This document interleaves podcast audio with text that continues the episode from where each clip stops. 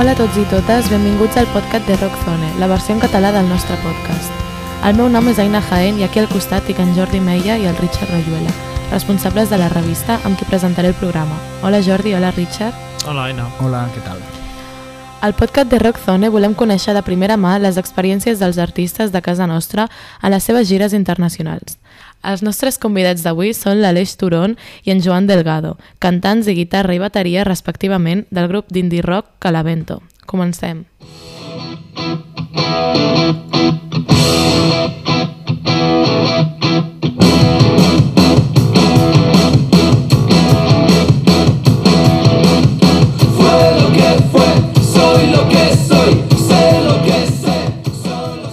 en compte que l'Aleix és de Figueres i en Joan de Torroella de Montgrí, no ens hauria de sorprendre que decidissin agafar com a nom pel seu grup el d'una cala imaginària que podríem trobar a la Costa Brava.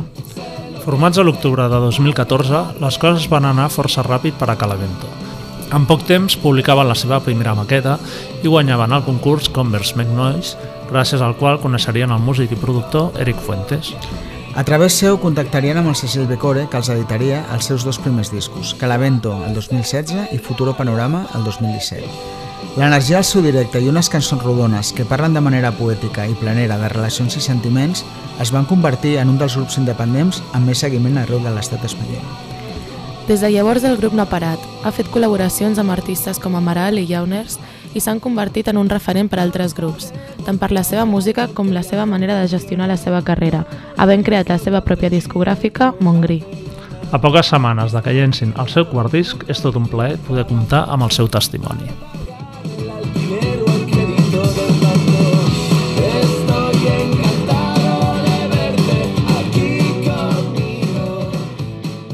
Hola Aleix, hola Joan, moltes gràcies per haver acceptat la nostra invitació, sobretot perquè d'aquí tres dies marxeu cap a Mèxic per tocar al festival Vive Latino. Expliqueu-nos una mica com ha sortit aquesta oportunitat i quin és el full de ruta. Bueno, eh, encara no sabem molt bé com ha, com ha sorgit, perquè molt perquè fa, fa molts anys que anem a Mèxic, intentem anar-hi un cop l'any. Eh, el 2020 no va poder ser, com tots sabem, però, però des de 2017 hem anat cada any. I a picar pedra, no? El que diguem nosaltres és una cosa que ens agrada fer, que l'hem fet aquí, aquí a Espanya i, i és com la nostra manera d'entendre la música anar, anar al lloc, que vinguin tres persones, tornar-hi, que vinguin sis, tornar-hi, que vinguin dotze. i tornar-hi que truquin pel Vive Latino. No, al final és una, és una mica aquest el procés, no? Uh, uh, moltes vegades quan, quan parlem amb, amb coneguts o, o, o, amb gent propera a nosaltres i els diguem això, bueno, doncs no sabem molt bé com, com hem aconseguit lo del Vive Latino, ens diuen, bueno, és que ja heu anat molts cops a Mèxic, no? Ja, ja, ja heu anat a picar pedra molts cops. Uh, sí, és veritat, és veritat i, i, i per, per sort hem pogut conèixer gent doncs, del Vive Latino i tal, i, suposo que ens han tingut en compte i, clar, és increïble, no?, per nosaltres. És un festival molt gros eh, a Llatinoamèrica i, i, i guai. I el full de ruta, eh, ja els últims cops que hem anat a Mèxic no ens ha, no ens ha fet cosa anar-hi només per fer un bolo. No, al Mhm. principi era com, ostres, anem allà, hem d'aprofitar i fer 15 bolos o fer una gira, no sé què. Quan hi vas ja més d'un cop, et dones compte de lo que trigues a anar a Mèxic és el mateix que trigues a anar a Galícia amb cotxe. Llavors, eh, és com, bueno, doncs anem allà i fem un, fem un concert i no passa res, estem allà 5-6 dies, que és el cas, aquest, aquest cas del Mhm. Vive, i tornem, no, no, no hi ha cap problema. Molt bé. Eh, anem als vostres inicis, si us sembla. Com us veu conèixer? Éreu amics abans de tocar junts? Sí, ens coneixíem, Sí. igual no érem amics, érem poder coneguts, no? Sí, coneguts. Uh, ja ens coneixíem d'aquí a l'Empordà, de, dels grups que tenim Mhm. abans, i, i no sé, Sí, ens coneixíem d'això, de- és que a l'Empordà hi ha molt poca escena, i a escena de, de música alternativa, i de seguida que hi ha un grup que fa música alternativa, doncs uh, t'hi acostes um, obligatòriament, no? Pues intentes muntar un bolo junts, i en aquest cas va ser això, vam intentar muntar un bolo junts amb els nostres anteriors grups i ens vam conèixer a partir d'allà. Teníeu clar per això que Calavento havia de ser un duo o en algun momen- moment us vau plantejar que hi haguessin més músics? Sí, sí, havia de ser un duo, jo, jo ho tenia molt al cap, de fet ho havia intentat fer amb el bateria de la meva anterior banda, Mm. però no, no havíem acabat de trobar la fórmula, no? I, i, i quan li vaig proposar això a en Joan tampoc tenia clara la fórmula, vull dir, era seguir provant. amb algú pues, igual més motivat amb la idea, no? I, i, i, i ja està, teníem el referent que era Japan Droids, que jo sabia que, que en, en Brian doncs, s'en- s'enxufava a diferents amplificadors, etc. I era com qüestió de poder-ho provar, no? Com que vam anar a un local d'assaig d'aquests per hores, que ja hi ha tots els amplificadors allà, ja el primer dia ho vaig poder provar, no? Mm -hmm. I a partir d'aquí doncs, vam anar- vam anar-ho treballant. Molt bé. Una figura del principi bastant important va ser l'Eric Fuentes. Eh, quin paper ha jugat amb el vostre desenvolupament com a banda, com a mínim als, inicis? No sé si ara encara el teniu com un mentor o algú al que preguntar-li certes coses. Bueno, eh, clar, l'Eric és el, el, la primera persona de tota la indústria musical, per dir alguna cosa, que, que s'apropa a Calavento I que va creure en nosaltres. i que va creure en nosaltres. Llavors, és, um, podríem dir que és la...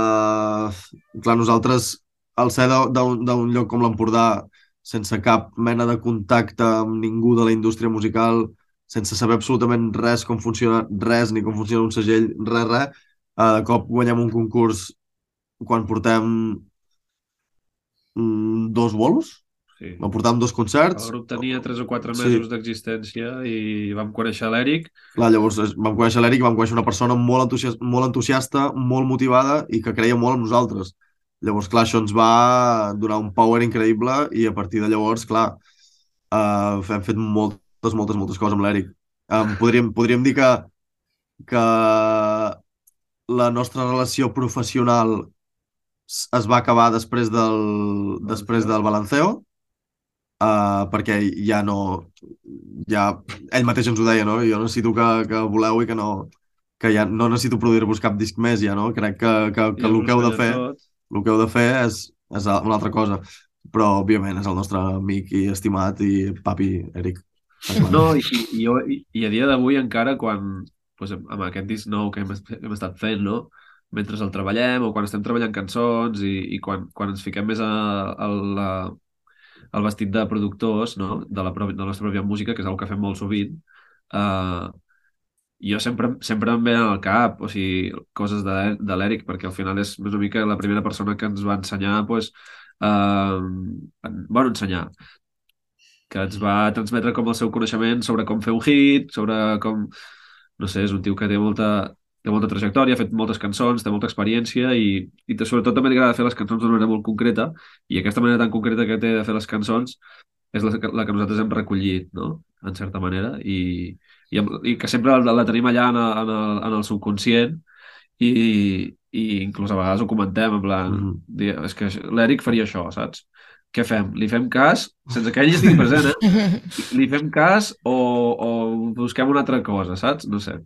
Sí, però també és la relació que hem tingut, que hem tingut sempre amb ell, no? És inevitable, no? L'hem conegut com a productor i com a amic i, i continua sent així. Me'n recordo que quan li van passar li van passar el disc, aquest últim, el que traurem ara a l'abril, li vam enviar per a veure què en pensava. Eh, mira, ja tenim el disc acabat. I ens va fer com un supertext de lo que ell canviaria, no? De lo que ell produiria. I era com, Eric, ja està fet, això. ja no ho volem, saps? Volem la teva opinió, volem que te l'escoltis, ja està. I no ho pot evitar, no ho pot evitar. enamorado de ti y tú no te enteras. Estoy enamorado de ti. El 2016 vau publicar el vostre primer disc, que ja va tenir força repercussió. Quines expectatives teníeu en aquell moment? Zero. O sigui, la, la nostra expectativa era tocar, era fer un disc. O sigui, era gravar el disc i publicar-lo. Fer concerts, sobretot. O sigui, nosaltres ja el sol fet de, de el sol fet de treure un disc en vinil, de tenir-lo, ja era com un, un, un hito, algo que ja havíem aconseguit, no era com, buah, hasta aquí, no? Era el nostre Mhm. somni, no? Fer, fer un, que algun segell ens publiqués un disc. Llavors, eh, la nostra expectativa després de treure el disc era fer, fer molts concerts. Fer molts concerts. Ni ens plantejàvem viure de la música, òbviament, ni ens plantejàvem mm, arribar a fer un quart disc, ni ens plantejàvem muntar un segell propi, però l'únic que volíem era fer molts concerts i ho vam fer. Bàsicament dèiem sí a tot i ens muntàvem, uns, proposàvem nosaltres, o sigui que estàvem tot el dia fent concerts. Sí, sí. Mhm. De fet, el mateix any veu anar a tocar el South by Southwest, no?, a Austin. Va ser el primer concert que veu fer fora d'Espanya? Sí. Portugal, el Bragança, com va ser? Va ser després. No, no, sí, sí, clar. clar, clar. Allò, clar, allò també va ser una, una locura. I com va anar l'experiència de fer un concert fora d'Espanya per primera vegada? És molt diferent? Mira, vam anar amb l'Eric Fuentes. ara, va per- Va venir, va venir. Uh, és molt diferent, uh, sí, Sí, clar. i uh, també és molt diferent anar en, una, en, una, en un marc com el d'un festival com aquest. Uh -huh. És, al final és un festival Que és com una fira. és com una fira que hi ha mm, centenars de concerts al dia, qualsevol racó, qualsevol cafeteria, qualsevol perruqueria hi ha concerts, i, i clar, uh, és, tot, és tot molt, molt pim-pam, no? Pa, pa, pa, pa, super ràpid, super intens. Uh, va ser una experiència, sí, sí, clar. A més, anàvem, ja et dic, anàvem uh, perdudíssims. No coneixíem a ningú. Nosaltres veiem que els altres grups d'Espanya tots s'ho havien muntat bé, havien vingut amb subvencions, havien, es coneixien entre ells, feien no sé què, un, un, un, un concert de grups espanyols, tal, nosaltres anàvem allà com si vinguéssim de, de, de sota terra. No coneixíem ningú, no ens coneixia ningú. La gent deia, però què feu aquí? Us ho pagat vosaltres? Sí, sí, clar. Anàvem allà, lo loco. Sí, sí, però va ser una experiència increïble, clar. Al final va estar molt guai, perquè d'aquesta manera també vam conèixer uh, gent que després ens va muntar un bolo posant una house party típica americana allà al pati. No, vas, vam, vam fer com... Vam fer... Bueno, va ser, va ser una experiència vital increïble, crec. Una pregunta abans, bueno, lo de que has dit que un dels objectius una vegada vau treure el disc era fer molts concerts. Suposo que ara la logística ha de ser una mica més gran, o igual no, però al principi que anàveu amb un cotxe i punt, Sí. o us ho podíeu Un- permetre, no? Amb un cotxe particular. anàvem, anàvem amb el seu Re- Renault Laguna, Bueno, meu, dels meus Pares. dels teus pares. Uh, I anàvem, sí, clar, ficàvem tot el maletero, tot el que hi cabia, perquè no hi cabia normalment gaires coses. Plegàvem els seients. Ah. I... Viatjeu Hem anat els molt- dos o, o Hem anat molts anys, hem anat molts anys, nosaltres dos i prou. Sí. Molts anys. I al principi, si, si algun amic s'apuntava, doncs potser li demanàvem la furgo al meu pare, i ens la deixava de tant en tant, o... Sí, és que, és que anàvem, anàvem tu i jo, Vaig- mano, mano. Sí, vam, comen vam començar a llogar furgo, jo crec, a, a la segona meitat de la gira de la Fruta Panorama. Com... No, bo, o més tard, eh, poder. Cap al final d'aquesta gira, o sigui, a finals de 2018 o així. I abans sempre era com, pues, això el que diu ell. O el meu cotxe, o el cotxe del seu pare, o un enredar amb un amic que tenia un cotxe més gran. Mm. Sí, sí. La, allò, la convivència entre, ja siguin col·legues o parella, pues, té les seves coses, no? També. Quan veu descobrir, doncs, jo que sé, que un roncava o que un es deixava sempre els calçotets per allà sobre... Sense... Entre nosaltres. Ja, sí, sí. Quan, quan van començar a, a sortir les cosetes aquestes de, de la convivència? Bueno, una vegada li vaig fotre un punyo perquè estava roncant i m'estava posant... O sigui, em vaig ficar molt nerviós i a la impotència li vaig fotre un punyo a l'esquena. I encara, encara dia d'avui m'ho recorda. Però és que, clar, com, com, que, hem, com que hem dormit des, des del principi, hem dormit junts, inclús quasi al mateix llit, moltes Sí, vegades. al sofà, vull dir, és que hem, hem fet, eh, no sé, inclús una sobre l'altra, et podria dir. Vull dir, no, hem, hem, hem dormit a tants llocs diferents i tantes situacions diferents i tan, tan diverses que jo crec que la primera setmana ja estava tot... tot... Ja estava tot. Totes les cartes Sí, sobre la taula, També no? van, sort, també van sortir manies, eh? Vull dir, ara si podem dormir en habitacions separades tampoc hi passa res, eh? A mi no m'agrada, eh? però... Et trobes a faltar. Sí, és com que l'experiència d'anar a fer un concert de Calavento per mi implica compartir habitació amb en Joan, saps? És com forma part de l'experiència. Ara, per exemple, clar, ara anem amb més gent, no? Anem amb, amb tècnic de so, uh, tour manager, tècnic de llums, tal, i, i és curiós perquè tots dormen en habitacions més separades menys nosaltres, no? Que hauria de ser, hauria de ser una mica al revés, no? Rotllo, els artistes normalment, tal, no, no, nosaltres estem allà junts, a vegades en una llitera i ells allà en una habitació separada. Ja, perquè això us volia preguntar ara, amb el nou disc que supo... bueno, tot sembla que donarà un pas endavant, quanta gent viatjareu i realment us, us és fàcil manegar ja que potser aneu 6-7 persones que al final no deixen de, d'aprendre a vosaltres, sou, els, sou els, els jefes no? d'aquesta gent. És, algo, és una transició, bueno, ell deia, no? que et costa dormir separat, igual probablement estar amb 5 persones o 4 a la qual has de decidir moltes coses. Eh, tot i que n'hi ha un tour manager, com, com és la nova etapa aquesta per la banda? Com ho gestioneu i això? Quanta gent sou? Com viatgeu? Bueno, està per veure, no? Perquè tampoc Sí. encara ho estem construint i encara no hem fet, no, no, farem, no hem fet cap concert encara. Bueno, però, Però- ja, ja l'última gira sí que ja viatjàvem amb, amb tècnic de so sempre i amb tour manager també Sí. sempre. I aviam, crec que la, la premissa número 1 que busquem amb l'Aleix és, és que sigui gent en, en qui ens hi portem bé perquè al final són moltes hores, no? Hi ha grups que no, hi ha grups que, mira, que ni coneixen poder el, el, backliner o, o el tècnic de llums, hola i adeu, no? Nosaltres és tot el contrari. Al final la música la veiem com, com anar a fer comunitat i anar a fer com una experiència guai i preferim que sigui, que sigui proper o que, que, que pugui arribar a ser proper uh, comptant, comptant el que això suposa, no? Que, que a vegades pues, uh, és molt diferent anar amb una persona que és, que és el teu amic o no, no? Però, però intentem que intentem que sí que l'ambient sigui, sigui més de d'excursió, no? Que no pas de, de estoy ahí currando, no? I només és el curro i tal, no sé què. I a nivell logístic, doncs això és el que diu l'Aleix, està per veure.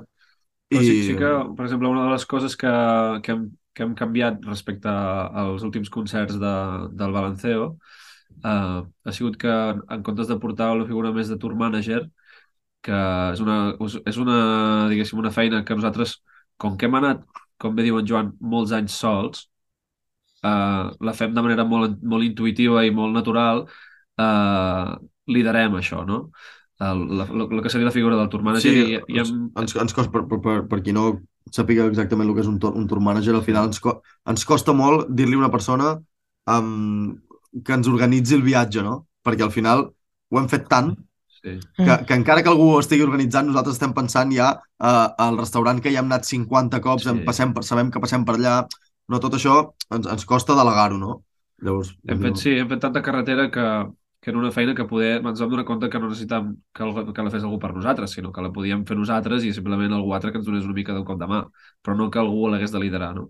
I hem canviat aquesta figura per una figura més de backliner, que sí que és una cosa que, que, que ens costava molt perquè ens agrada molt, quan acabem els concerts, poder anar al merch i estar amb, amb la gent que ha vingut, amb el públic, que és el moment en el qual has de recollir l'escenari i, i guardar totes les coses a la furgo, llavors sempre ens havíem de partir, no? Perquè no hi havia ningú que es pogués responsabilitzar d'aquesta feina, perquè les nostres coses només les sabíem recollir nosaltres, uh, recollir i muntar, i llavors ara hem col·locat aquesta figura per poder tenir una mica més de, de temps amb els fans i, i disfrutar més aquest moment després del concert mm. sense haver-nos de responsabilitzar de, de recollir l'escenari i, i carregar-lo a, a la furgoneta, no? Bueno, i, i també per un tema que, que, que els últims concerts que estàvem fent ens, ens, ens estàvem donant compte de que d'alguna manera o altra doncs, que l'Avento ha, fet, ha fet un salt endavant, ha crescut bastant i, i, i els concerts uh, ve molta gent, no? I, i al final nosaltres um,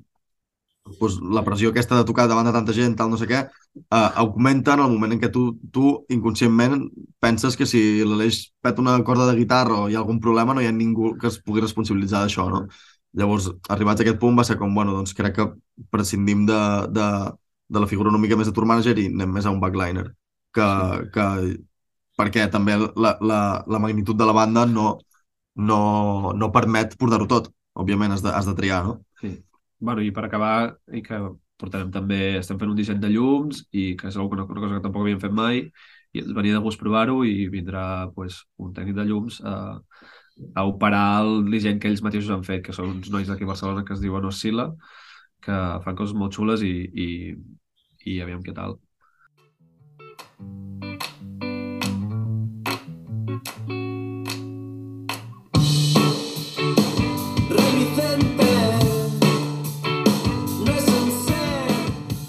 Però tirem una mica enrere ara i això, el, el 2017 vau treure el segon disc, el Futuro Panorama, i el grup va guanyar encara més notorietat. Mm, Diríeu que és aquell moment en el que, diguéssim, les vostres vides canvien, si és que van canviar, o, o no? O podíeu seguir més o menys compatibilitzant amb altres històries i, i fer com Jo crec sempre? que sí, jo crec que sí, no només per circumstàncies referents al disc i a la, i a la nostra música i al nostre projecte com a Galavento, sinó també externes, no? Jo vaig acabar la carrera al, al febrer del 2017 i, vaig, i ja estava visquent a casa dels meus pares a Figueres. En Joan va acabar-la al juny del mateix any i també va decidir traslladar-se de, de Barcelona a Torroella.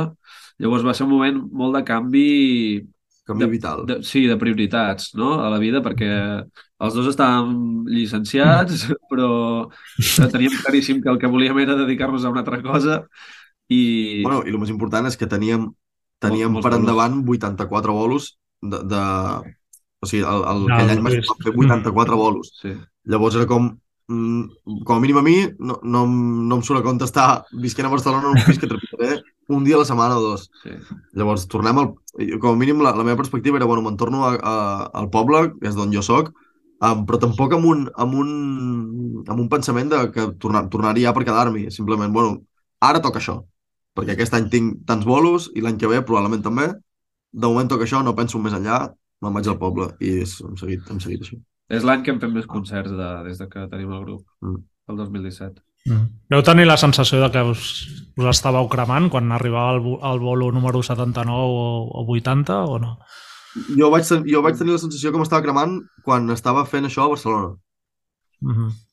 perquè era, era, uh, era un moment molt intens, perquè, clar, era tota la setmana girant, arribar a un pis d'estudiants, la uni, el treball final de, el treball final de grau, era com un, un, una bola allà que es anava fent, però, clar, de cop, de cop es va acabar la uni, em vaig anar a viure a Torroella i vam continuar els bolos i va ser com, no, no, no, això és el que jo vull, saps? Mesos de la gira, de, de febrer a juny, aquest les va passar canotes. Jo me'n recordo que abans de marxar de gira jo estava a la presentació del seu treball final de grau, ai, de carrera, allà esperant a que sortís del mal... Tu, acaba-la ràpid perquè hem de marxar a Galícia, saps? I era, era així. Molt bé.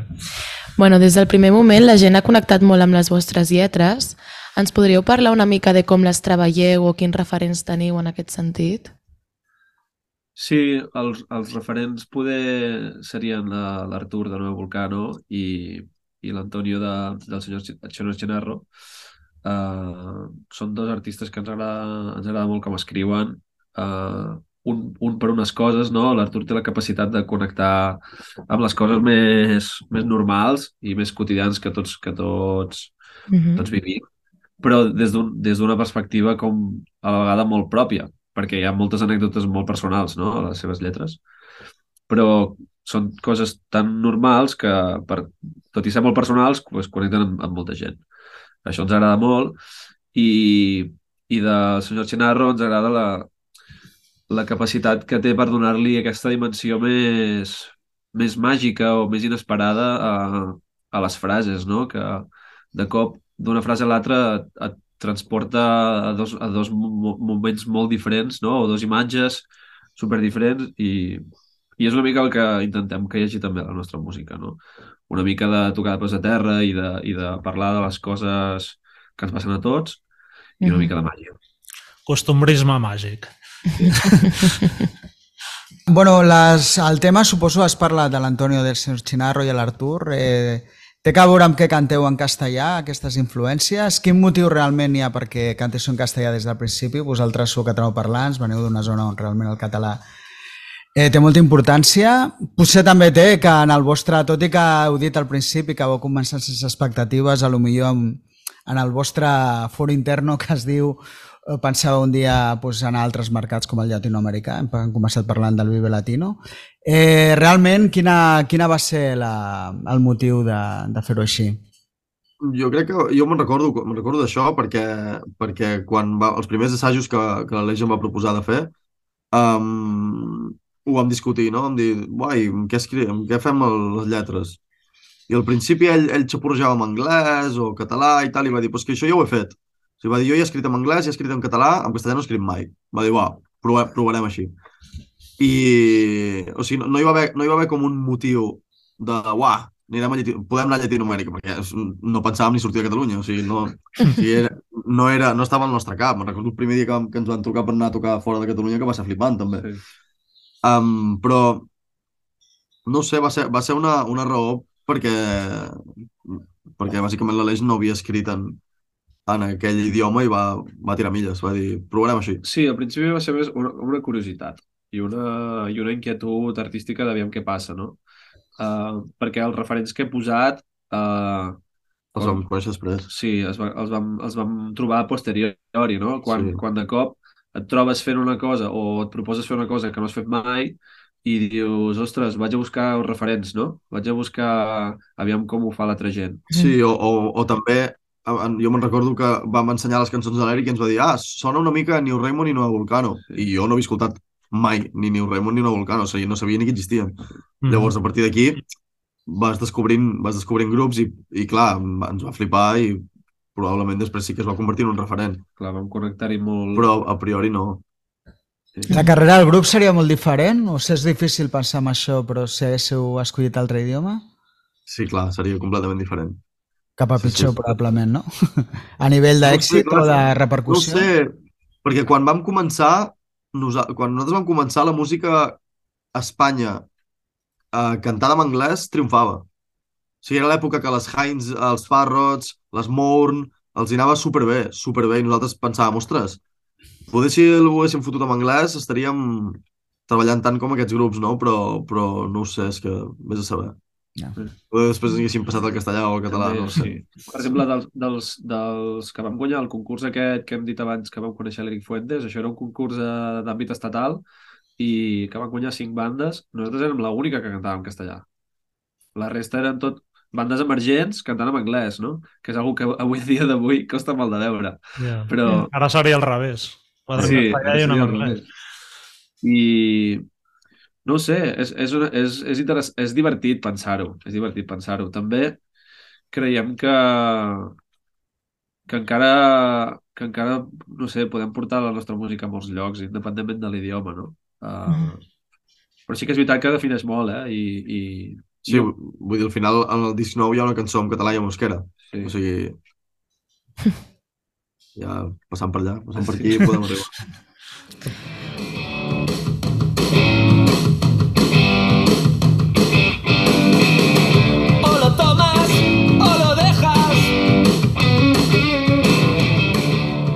El 2019 veu treure el vostre tercer disc, Balanceo, però veu deixar Becore i el veu publicar amb el vostre propi, propi segell, amb el que també heu editat a altres bandes. D'on va sortir la idea de fer el vostre propi segell i us està portant més feina de la que pensàveu o com està anant? Bona pregunta. Mira, aquí estem a l'oficina, no? um, sí, uh, sí, començo... Bueno, no, comencem pel principi. Uh, vam muntar Montgrí perquè de la mateixa manera que ens costa delegar coses i que ens costa um, no fer-ho tot, No organitzar els Mhm. no viatges. organitzar els viatges, ens costava bastant uh, no treballar, o sigui, no treballar amb la nostra música des, des, de, des de baix de tot. O sigui, ho portàvem tota la vida fent-ho, tota la curta vida musical que teníem fent-ho d'aquesta manera, llavors eh, se'ns feia molt raro no poder participar en el procés. Eh, va ser un dels motius principals, eh? Mhm. També, a part de que volíem canviar de fórmula, uh, ja havíem fet tres discos amb, amb dos discos amb en Jordi uh, i, bueno, amb Becore i volíem canviar, volíem, volíem una altra fórmula, nova, diferent, fresca, que ens, que ens donés alguna Mhm. També estàvem, estàvem en un moment on ja el, poder, la, la idea de, de dedicar-nos només a això eh, havia pres més força que mai, no?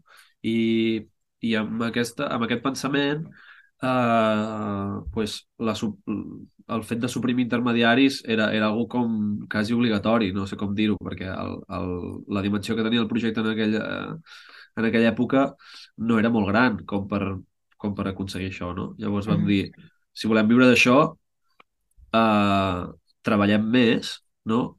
Autoditem-nos, haurem de treballar més, però bueno, estarem visquent d'això, saps? Vull dir, ja, ja era era una, una equació que ja, ja estàvem disposats a acceptar, saps? Sab- Sabíem que hauríem de treballar més i que hauríem de fer coses que no són que són més empresarials i menys, menys artístiques, no? Però, però era, estàvem disposats a pagar aquest preu si, si podíem consolidar la idea de, de ens estem dedicant només a Calavento, no? Mhm. L'únic que després això se'ns ha anat de les mans i ara, pues, no sé, però així, Jo que tinc enxufat mil coses. tot això són discos, vale? Discos i no n'hi ha cap de nostre, quasi. I no n'hi ha cap de nostre. Ah, sí, i la segona pregunta és si ens porta molta més feina, però, però molta.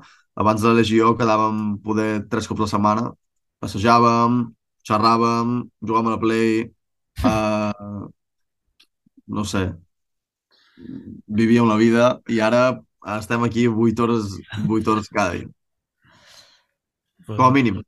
Sí, sí.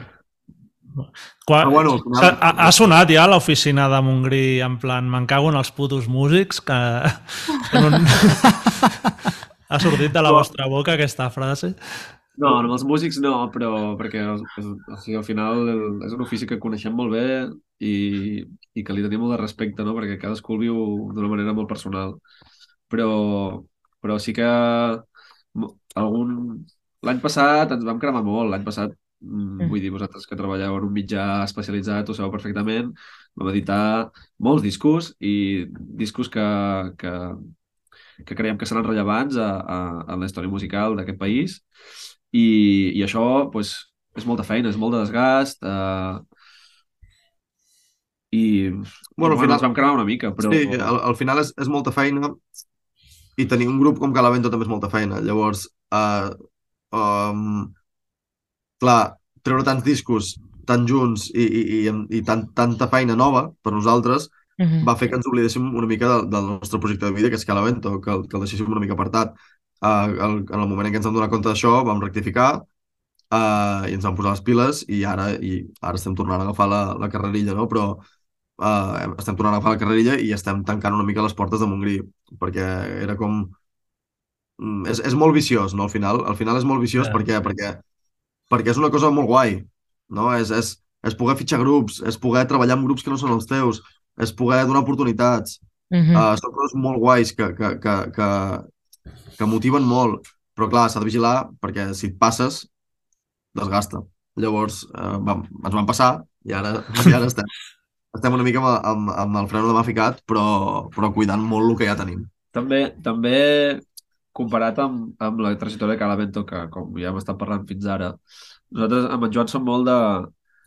Si passa un tren, l'agafem. O sigui, el solem agafar, no? I, i el Mhm. tren de Montgrí, de cop, ens va passar per davant, era com la sensació aquesta de, ostres, és una oportunitat, eh, això no passa, no passa gaire sovint, i ens hi vam llançar. Eh, i llavors, ara pues, estem intentant que el tren vagi una mica a poc a poc, Ja. però, però tampoc, ens, tampoc ens n'arrepentim, saps? Perquè, No, perquè no, al- clar al final eh, ho havíem de fer. Vull dir, no, si, si no, no, no ho hauríem fet. Mhm. A més, crec que ho ha aconseguit en, en molt poc temps, com crear una identitat de segell i com una garantia, no?, de dir, ostres, si, si Montgrí treu un disc, és molt possible que sigui molt bo, no? Eh, no sé Sí, si és també- una qüestió també- de gust o també de perquè- sort. O...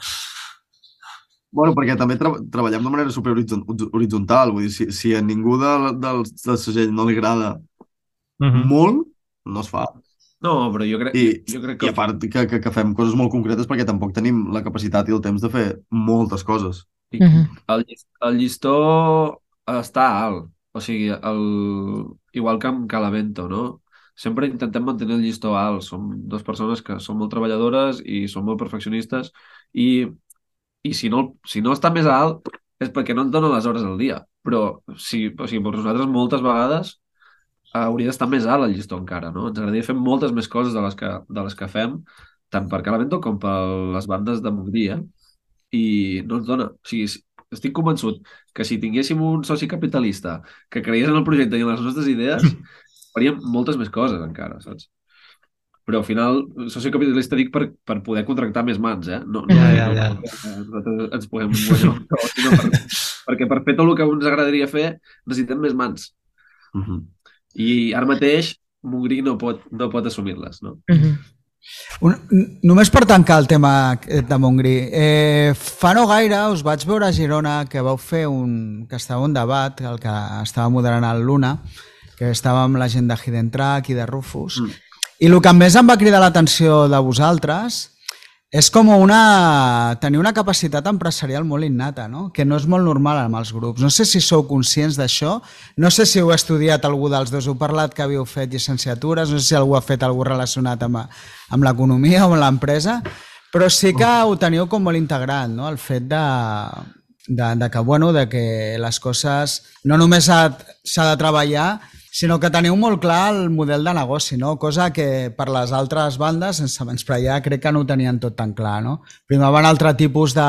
Crec que la Luis era un rotllo molt romàntic i potser els altres el tema musical es menjava tota la resta de coses. No, no sé si sou conscients vosaltres de, i que l'èxit que esteu tenint ho reafirma de, de que probablement sou més empresaris de lo que penseu i que això en el fons tampoc té res dolent, eh? que a vegades es pensa que per ser un empresari no pots ser un bon músic i no té res a veure.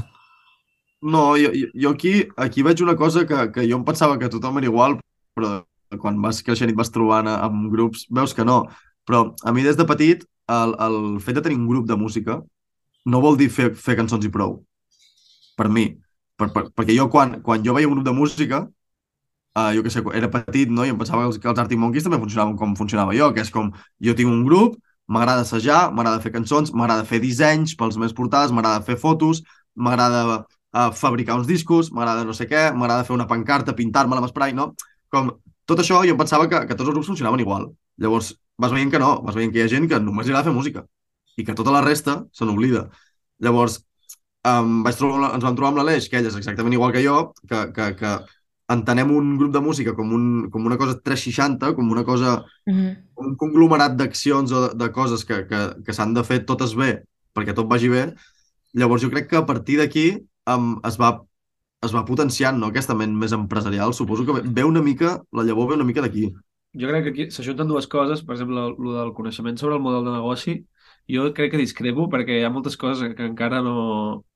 O sigui, que no entenem o que, que se'ns escapen, que no tenim la sensació de tenir un, un coneixement molt gran sobre el model de negoci, també perquè fa res que hi som. O sigui, el, la tercera pota de Montgrí, que és en Nore, sí que fa molts més anys i quasi sempre ens devem a ell a l'hora d'analitzar segons quin, quins comportaments de, de, de, de la indústria, etc. Sempre li fem, li fem poder més cas en ell perquè té més experiència, no? Però el que sí que et dona la raó és que sí que hi ha un, un punt, no sé si empresarial, però sí emprenedor, innat en nosaltres dos, eh, des del moment en què tenim un problema molt heavy amb el do it yourself.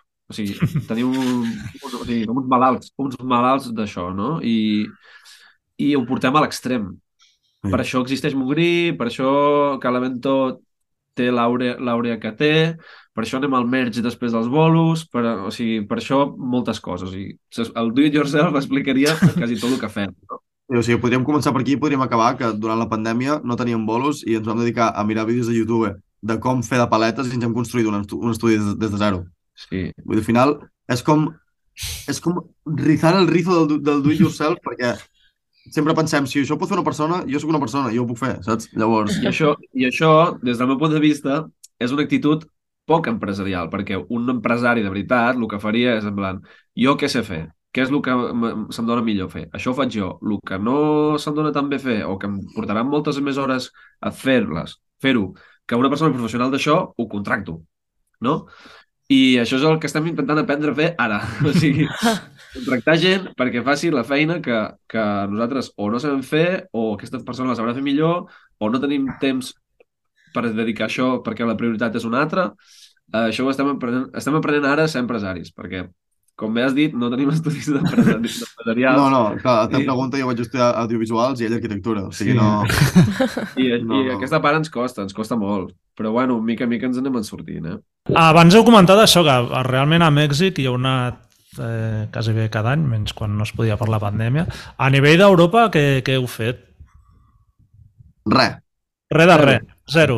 Zero, zero i, i, i ho tenim l'espineta, eh? Ni a Perpinyà. Perquè... No, no, ni Perpinyà. Hem fet, hem fet, és que ni, ni Andorra hem fet, eh? No, hem fet, hem fet Portugal, Uh -huh. Però un bolo però un randomíssim. bolo en una cafeteria i, i no, no, a Europa no hem fet res. Aviam, creiem que, òbviament, l'idioma hi fa. Uh -huh. L'idioma hi fa. No, no, no, no hem rebut mai cap input ni cap ningú que ens volgués programar allà. A part d'això, bueno, un dia a Polònia, però, va, però es va quedar allà a l'aire. Però no... No sé, tenim ganes, eh? Tenim ganes de muntar una, una, una gira, òbviament. Sempre parlem amb, amb, amb en Càndido de Belgrado, que ja li demanarem, ja li demanarem ajuda. La sotana.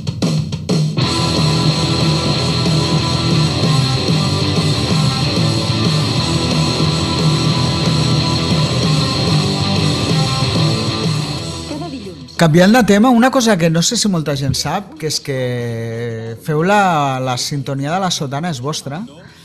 Eh, aquí som molt fans de la sotana. Eh, com va sortir la, o la idea o l'oportunitat? I era una sintonia que vau fer expressament per la, el programa o era un tros d'una cançó? Molt fàcil. El, el nostre tècnic de so és l'Enric Usó, Mm. que és, és el tècnic de la sotana i, i creador de la sotana. Un, un dels creadors. Llavors, uh, sempre ens deia joder, és que m'assal- m'assalta, quan penjo això al YouTube m'assalta i me demana els drets. I vaig bueno... No doncs, podíem monetitzar perquè la intro abans era una cançó de The Hives Mm. i, i ens va dir, hòstia, ara que tenim l'estudi i tal, igual puc venir un dia, bueno, venim tots un dia i, i ho graveu tal, i ens fem unes risses. I, i això ho vam fer. Sí, sí. I vam fer, vam al, al, al moment. Vam fer la intro i la outro també. Sí, sí. Sí, Ens vam divertir molt fent-ho, la veritat. va ser guai. Estoy aquí y aquí seguiré, no me moveré, me quiero quedar para ver si tú también te quedas. Com heu dit abans, properament, a l'abril, publicareu el vostre quart disc, del qual ja heu avançat quatre cançons i alguns detalls, com que hi col·labora el Gorka Urbizo de Berri Xerrac. Què més ens podeu avançar? Doneu-vos alguna exclusiva del quart disc. Aviam. Uh... És que ja està quasi tot avançat. O sigui, no és Ja- exclusiva, bueno, més o menys, què, què, què pot esperar la gent? O sigui, els quatre temes aquests són representatius, és un Sí, disc com molt eclèctic... clar. És, és super eclèctic i per això hem fet aquests avançaments també, no? I crec, creiem que amb els avançaments hi ha una mica de tot. Hi ha una mica de, de cançó de cançó rock super calavento com pot ser Ferrari, després hi ha una mica d'equilibrio que és una mica la part més pop pop rock no? de, de, de Calavento després hi ha Casalinda que, que seria superacústic amb dos guitarres que també és una que ens agrada fer i que ens agrada rememorar perquè al principi fèiem, fèiem molts bolos jo i ell amb, amb, amb dos guitarres i prou Uh, I després hi ha Conmigo, que és una cosa molt rara que no havíem fet mai, però que, que ens vam divertir molt i ens agrada molt, no? Llavors és una mica les, els quatre extrems de, del disc. Sí, jo, per exemple, podria dir, uh, ja que estem a, aquí a Rockzone i, per exemple, Santi García és, és, un, és un dels productors que, que sempre han estat, ha, ha participat no? en molts de, de, la, de la música que soleu ressenyar i així, Uh -huh. uh, que vam, produ- vam fer quatre cançons amb en Santi d'aquest disc i cap, cap s'ha avançat. Vull dir que la part poder més, més canyera i més de les nostres arrels eh, encara no s'ha no desvelat i creiem que són quatre cançons que, que estan molt bé, que, que tenen molta força i, i no sé, podrien, podrien haver sigut un avançament també alguna d'elles, eh? Mm. perquè, perquè té, té, tenen vocació de single algunes. Sí, estem fent tants avançaments perquè realment no ens decidim. Sí. O sigui, no, no, no hi havia manera de decidir-nos amb el single, no? Era com, com preguntàvem, preguntàvem a col·legues, els hi, passàvem, els hi passàvem totes les opcions i deien aquesta, un l'altre, l'altre, tot diferent. I és que no ens ajuda ningú, o sigui, no, no, no, no ho Clar. aconseguim. Al ser un projecte bastant eclèctic, que hem treballat amb tres productors diferents, etc, fa que la, la decisió sigui molt més complicada, no? Perquè si agafes i fas un disc amb la mateixa persona, te tanques allà 10, 12 o 15 dies, doncs al final, eh, de manera comunitària, es van, es van prenent aquestes decisions i tothom va dient, uah, aquest és molt hit, sí, sí, aquest és el hit, no sé què. I acabes sortint d'allà doncs, amb una idea més, més o menys clara de, de les cançons que poden tenir més èxit, no? Però al haver-ho fet així, en el, un procés en el qual només nosaltres dos hem estat com pendents de tot i en tot el procés, clar, no ens posem d'acord o, o no ho tenim clar, tenim dubtes i, bueno, i així ha anat. Però, bueno, uh, totes, totes podrien Mm. ser eh? Sí, la, la, per exemple, la, la cançó Mangorca, estem supercontents, és la, també és la primera cançó que cantem en català nosaltres. Uh, una, és una col·laboració superguai, no?, amb, amb, amb en Gorka. També hi ha una altra col·laboració al disc que són els Gospelians de Girona, que, que són, que són el cor de gospel que, que van, van col·laborar amb nosaltres quan vam fer el, projecte de la comunitat aquí a l'Auditori de Girona. Um, i no sé què més exclusiva. Aquest, jo crec que d'aquí molt poc està a Que dies... sabrà de- tot, no? Sí, ja, ja ha sortit com tot el, el pre-order amb la portada, el tracklist, tot això, no? Hi Ja haurà crec algun que- single més per això abans del disc o no? O Conmigo és la- Sí, l'últim? sí, hi haurà... En, Un... en principi sí, a no sé que canviem d'opinió, en principi jo no tinc més. Molt bé.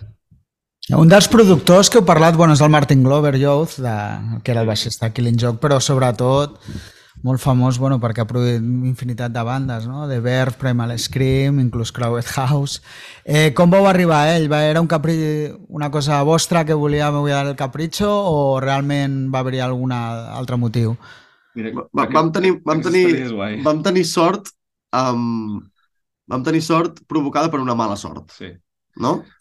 Nosaltres el, el, el, el Balanceo el volíem anar a gravar en un estudi residencial amb en Santi i l'Eric i anar de colònies, perquè no ho havíem fet mai i ens venia de gust l'experiència. Llavors vam decidir llogar-li l'estudi en el Youth, perquè Mm. ell té una casa a estudi que, que lloga. Uh, i, I que la gestiona un, un, un, L'enginyer. l'enginyer, que és un noi que es diu Ivan, que ell fa d'enginyer allà, perquè en Youth no hi és sempre, perquè en Youth té tres estudis, en té una a Jamaica, una a Londres i una, i una, i una a Granada. Llavors, uh, a un mes vista d'anar a gravar, ens va cancel·lar. Ens va cancel·lar perquè va dir que necessitava l'estudi ell, no sé, li devia entrar algú, algú amb molta pasta o... O, I- bueno, o, o devia tenir ganes d'anar a passar allà uns dies. Sí, no sé, ens ho va cancel·lar. I vam haver d'anar a un altre lloc. Llavors, quan va ser el moment de trobar, de, de fer el, el Teletecho i el Acecho, que és les dues cançons que vam editar el 2021, eh, de cop vam pensar, ostres, hi ha alguna persona aquí que ens deu un favor, perquè no, no, no sabíem amb qui, amb qui fer aquestes cançons, no? I, i així va ser, eh? li vam dir, tu, eh, ens la vas cardar, Ens vas putejar, ara torna'ns-la. perquè, Ah. perquè en Youth no, no, no, no produeix a, a qualsevol, o sigui, ell, ell ja és un productor que, que està com de tornada i que fa el que li agrada i va fent, no? Mhm. I, i va dir, ah, doncs, vale. I vam fer, vam fer aquestes dues cançons amb ell i va anar guai, va, bon rotllo, a més van venir els Amaral a l'estudi, li va flipar conèixer l'Eva uh, i, i llavors quan, quan estàvem plantejant el quart disc, que teníem clar que volíem treballar amb diferents productors, no, no només amb una sola persona, doncs li vam proposar si volia gravar tres cançons més. Uh, una mica ja amb la idea de que, de com que ja havíem tra treballat amb ell i ens coneixíem, sabíem la seva manera de fer, Mm. doncs vam triar tres cançons de manera molt estratègica Mhm. i, i ens va dir que sí, va dir sí, sí, veniu i fem gran aquestes cançons. I després feia broma, en plan, les meves són les millors, eh? Suposo, suposo que ja ho sabeu. No sé què. Deia, deia, bueno, ara, Sí. quan, ara quan graveu la resta del disc amb els altres productors i ho haureu de borrar tot i tornar aquí perquè, perquè d'allò ja parlarem de les dates. És sobrat. Doncs res, du- dues preguntes finals. La primera, donada la vostra relació amb Mèxic, recomaneu-vos, bueno, digueu-nos quins són els vostres plats preferits de, de cuina mexicana. Què hem de demanar si anem a un, a un mexicà? Pues a mi la, la quesadilla de chicharrón m'agrada molt. Hi ha, un, hi ha una cadena a Ciutat de Mèxic que es diu Casa Pepe, Uh -huh. que, que la fa molt bona. Que sempre està molt bé. Sí, és, No, molt, és molt barat. mentida, Casa Toño. Casa Toño, perdó. Casa... Casa Toño, Casa Toño. Uh, a Mèxic no tenen molta varietat. Sí que n'hi ha, tio, sí que n'hi ha. No hi ha tanta varietat, i tenen tres formatges. Però, però està molt bo. Tot, tot el que fan està molt bo. O sigui... Ui. Passa que, clar, per un europeu uh, és important és important anar, anar variant entre tacos, uh, chicharrón, uh, les sopes, tot, picant, i després, de tant en tant, un dia a la setmana, anar al japonès i demanar arròs blanc. perquè, clar, arròs blanc amb una mica d'oli, perquè, perquè, clar, si no, no estem acostumats. I agafes el que, es, el que, es, el que es diu la venganza de Moctezuma, que suposo que us han explicat el que és, que és que quan els espanyols van allà i es passen, quan els espanyols van allà i es passen el, amb, el, amb el picant, després estan dos o tres dies sense sortir del lavabo i això és la venganza de, del senyor Moctezuma. Bueno, estic bastant d'acord, eh? Jo vaig estar cinc dies a Guadalajara, però bueno, és el mateix. Sí, Però és brutal, eh, el bo que està tot. També sí que em va sorprendre, el que dius de la varietat estic bastant d'acord, eh? Vull dir, és tot basa molt amb el mateix concepte, però sí, Sí. que és cert que el picant una mica te'l poses tu, no? O sigui, la, el, Sí, sí. el, el menjar, o sigui que, que que també si saps portar una mica... Tot i així vaig tornar amb l'estómac maco, eh? Però, Clar, clar. però bueno, que, que vaig aguantar bé. Molt bé. I l'última pregunta que li fem a tots els convidats. Quin consell donaria a una persona jove que volgués ser músic i sortir a tocar fora d'Espanya? Paciència, sobretot. És el que jo trobo faltar a la gent jove. Uh, mira que jo sóc molt impacient, eh? però uh, trobo a faltar de que la, la gent uh, fa un grup i es pensen que al cap de tres mesos han d'estar tocant els festivals i girant por ahí i que els truquin de por ahí. Uh -huh. No va així.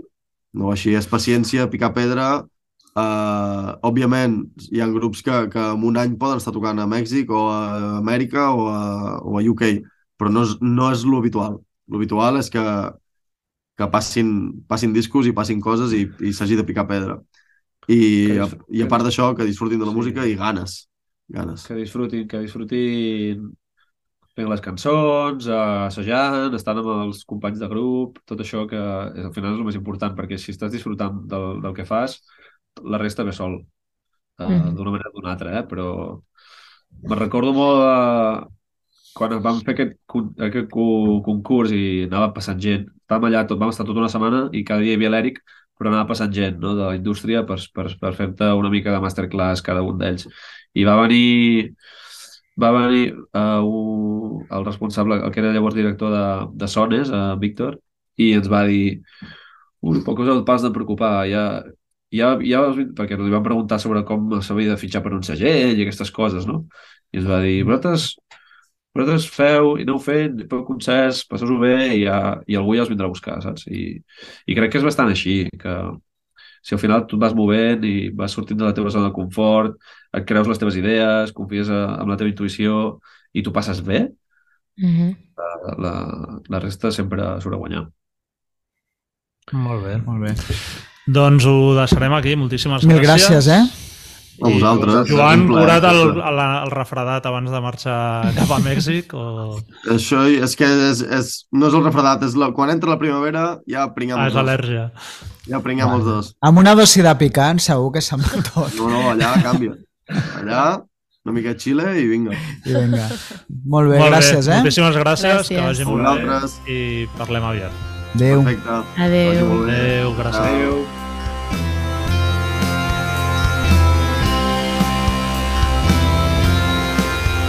Us podeu subscriure al podcast a qualsevol plataforma on els escolteu habitualment, Spotify, Apple, iVoox, i també ens podeu seguir a la nostra pàgina web rockfonemac.com i les nostres xarxes, Facebook, Twitter o Instagram. A reveure!